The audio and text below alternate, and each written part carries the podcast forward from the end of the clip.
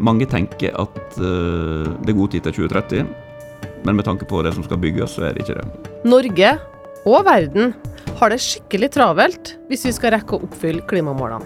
Om åtte år skal Norge ha kutta mer enn halvparten av klimagassutslippene sine. Med tanke på hvor lang tid det tar å bygge infrastruktur og fase ut kjøretøy med nye, mer miljøvennlige kjøretøy, så, så haster det her. Regjeringa sier de skal utvikle, ikke avvikle, olje- og gassnæringa for å få til den grønne omstillinga. Det er litt sånn der eh, ja takk, begge deler-tankegang. Men skal vi nå målene, må vi prioritere fornybar energi høyere. Teknologien som trengs, er på plass. Vi har hydrogen, vi har bioenergi, vi har batteri. Men så handler det om å skalere fort nok til at vi faktisk kan nå målsetningene. Man må få stordriftsfordeler. Du må faktisk også destabilisere eller bygge ned det som er det sterke eh, komplekset rundt eh, fossile kilder. Hvorfor går det grønne skiftet så tregt? Du hører De store spørsmålene, en podkast fra NTNU.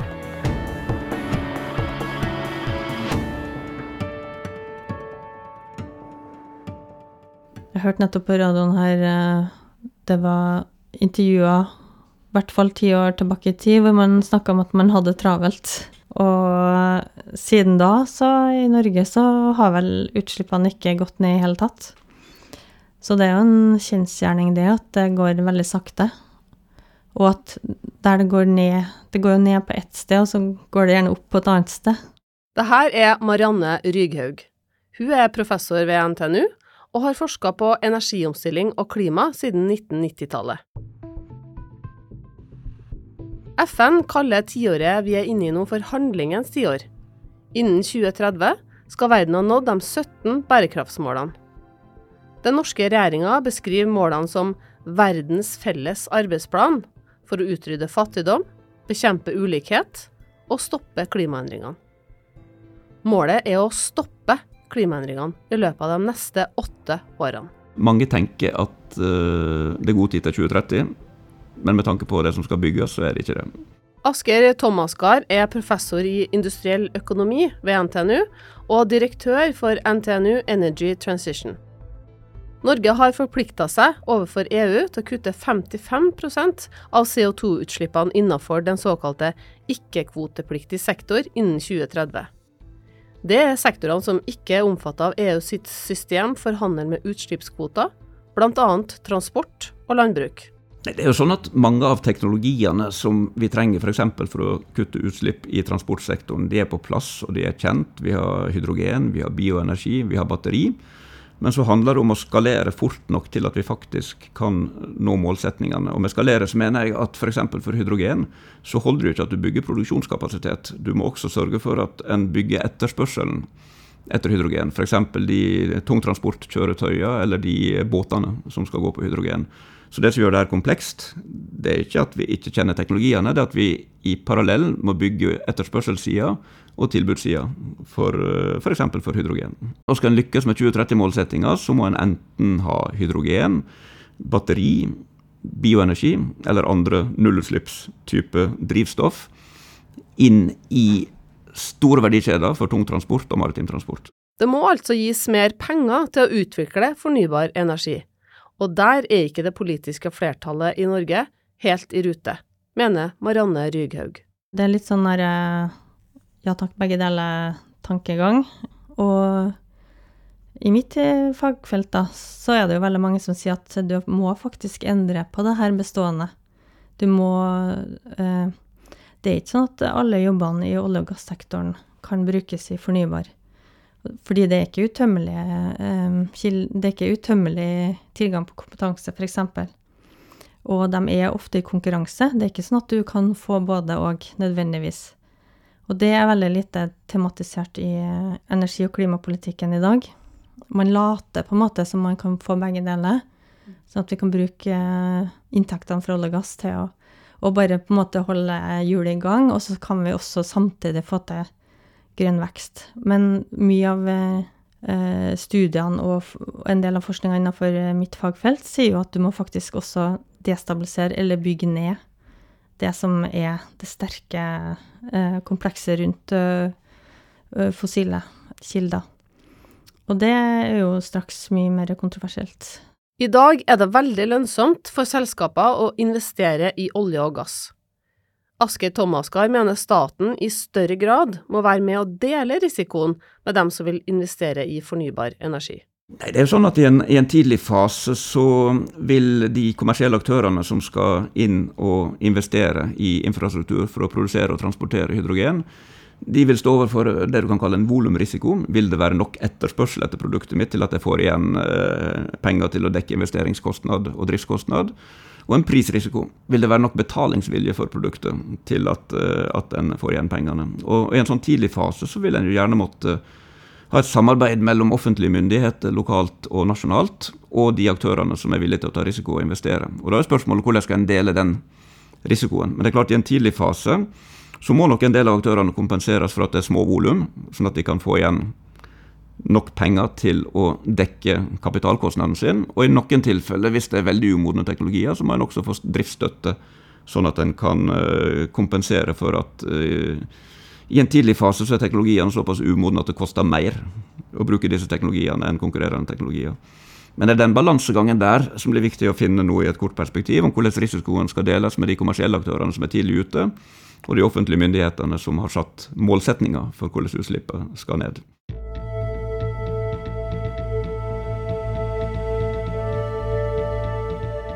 Hydrogen er jo det letteste drivstoffet vi har i hele universet. Et av de mest tilgjengelige eh, grunnstoffene. Det her er Jonas Kristiansen Nøland, førsteamanuensis ved Institutt for elkraftteknikk ved NTNU. Han forsker på hvordan hydrogen kan utnyttes best mulig i fly. Som alle andre drivstoff så kan du velge å brenne det opp. Brenne det i en motor, flymotor sånn som i dag, med litt, litt modifikasjoner. Problemet når du vender opp, det er at du, du lager enda mer varme. Du, og den varmen, den får du ikke så mye ut av. Eh, så det blir litt som å fyre for kråka. Så da, hvis du kan heller elektrifisere hydrogenet da, og hente ut disse strømpartiklene av eh, hydrogen isteden, så får du mer energi ut av hydrogenet. Og så en annen ting, så kan du få kutta også de ikke CO2-baserte utslippene. Da snakker man om NOx, vanndamp, kondensstriper osv. Som det også er forskning på i dag som viser at de kan ha mer klimaeffekt da, enn CO2 alene. Derfor så blir det viktig, viktig med hydrogen i det, det, er kanskje liksom sånn, litt for forlokkende å bare ta hydrogenet som det er, og bare brenne det opp, på en måte. Men det å, å prøve å få mest ut av hydrogenet òg, kan, kan være en viktig vei å gå. Og da er det jo også viktig, hvis du skal gjøre hydrogenet om til elektrisitet, så må du jo da skalere opp alt elektris elektriske maskineriet om bord. Og for å kunne skalere opp det da, så må du gjøre noe med disse komponentene, da, sånn at de ikke blir for tunge. Den store flyprodusenten Airbus har som mål å starte kommersielle flyvninger med hydrogenfly i 2035. Så det mangler ikke på forskning og innovasjon. Men riggen rundt må også på plass, sier Jonas. Et av de største mm, problemene med hydrogen er at man må få opp masse infrastruktur. Man må få opp masse stor portefølje da, av eh, anlegg som produserer eller leverer en, eh, en næring for hydrogen. Da. Og det må jo, bl.a. for luftfart, så er det viktig at andre næringer også tar det i bruk. Skal det bli attraktivt å kjøpe en hydrogenbil, eller skal det bli flere hydrogenferger enn den ene som finnes i Rogaland, må politikerne ta drastiske grep raskt, sier Asgeir Thomasgard. Med tanke på hvor lang tid det tar å bygge infrastruktur og fase ut kjøretøy med nye, mer miljøvennlige kjøretøy, bygge nye verdikjeder f.eks. For, for maritim transport, så, så haster det her. Vi har allerede et glimrende eksempel på at vi kan når vi vil i Norge sier Marianne Ryghaug. Det vi har gjort på Elbil i Norge er viktig, fordi vi viser at det er mulig å, å få til en overgang til elektrisk transport uten eh, kjempestore konsekvenser. Og så har vi lært masse underveis som andre land kan ta med seg når det gjelder infrastruktur og hvem som på en måte nyter godt av en sånn omstilling, og, og hvordan det slår ut uheldig da, for kanskje de gruppene som ikke har tilgang til bil, f.eks. For det å ta i bruk et kjøretøy som går på en ny type drivstoff, innebærer så mye mer enn å bare utvikle kjøretøyet og drivstoffet. Man må ha ladestasjoner og økonomiske ordninger som gjør det attraktivt å investere i nysatsinger, både for bedrifter og privatpersoner. Eh, når hydrogen er produsert, så skal den transporteres eh, til kunden. Sier Asgeir Tomaskar. Og så må du da ha fyllestasjonene, eller disse energihubene der hydrogen er tilgjengelig for de aktørene som skal bruke hydrogen. Og de aktørene må også ha Eh, kjøretøy eller båter som faktisk kan gå på hydrogen, og, og, og gjerne brenselcelleteknologi.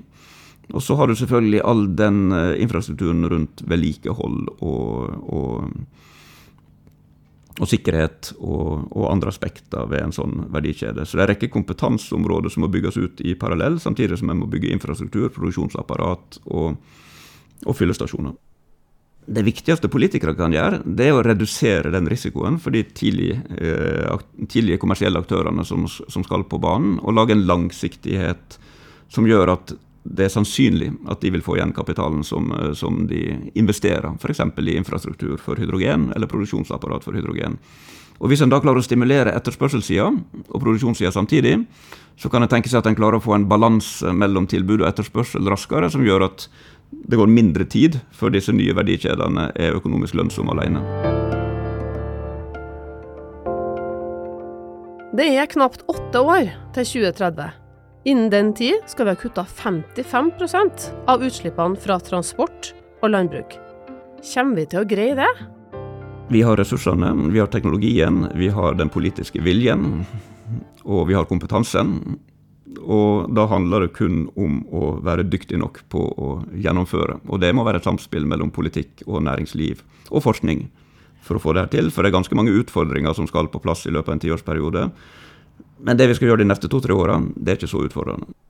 Vi i Norge som er et rikt land, og som har ansvar for en stor del av de utslippene som vi har eksportert til andre land gjennom uh, olje- og gassvirksomheten vår, kan jo gå foran som et land som viser hvordan man får til teknologiutvikling, og vi har råd til å utvikle nye teknologier og ta dem i bruk på en god måte for samfunnet, som ikke skaper ulikhet og ja, mer urettferdige samfunn. Og som ikke går på bekostning av eh, miljø og biodiversitet. Og det tenker jeg er Norges rolle og bør være vår rolle ja, vi kan kutte utslippene i Norge, og vi kan sikkert få det til på sikt. Men det er jo om, om man klarer å ta de løsningene over i andre land, som er egentlig den store utfordringa. Og vi har ja, store land som skal opp på som også vil ha velstandsutvikling som skal opp på vårt nivå. Og da gjelder det å få til den omstillinga, sånn at de slipper å gjøre de feilene vi har gjort, og som gjør at de kan eh, omstille seg i en grønnere retning uten å gå de omveiene som vi har gjort, da, som har gjort at vi har havna i det uføre på en måte vi er i dag.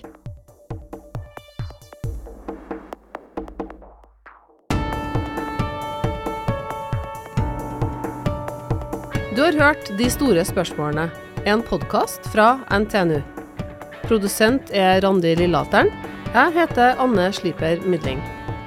Podkasten er produsert av Historiebruket og NTNU.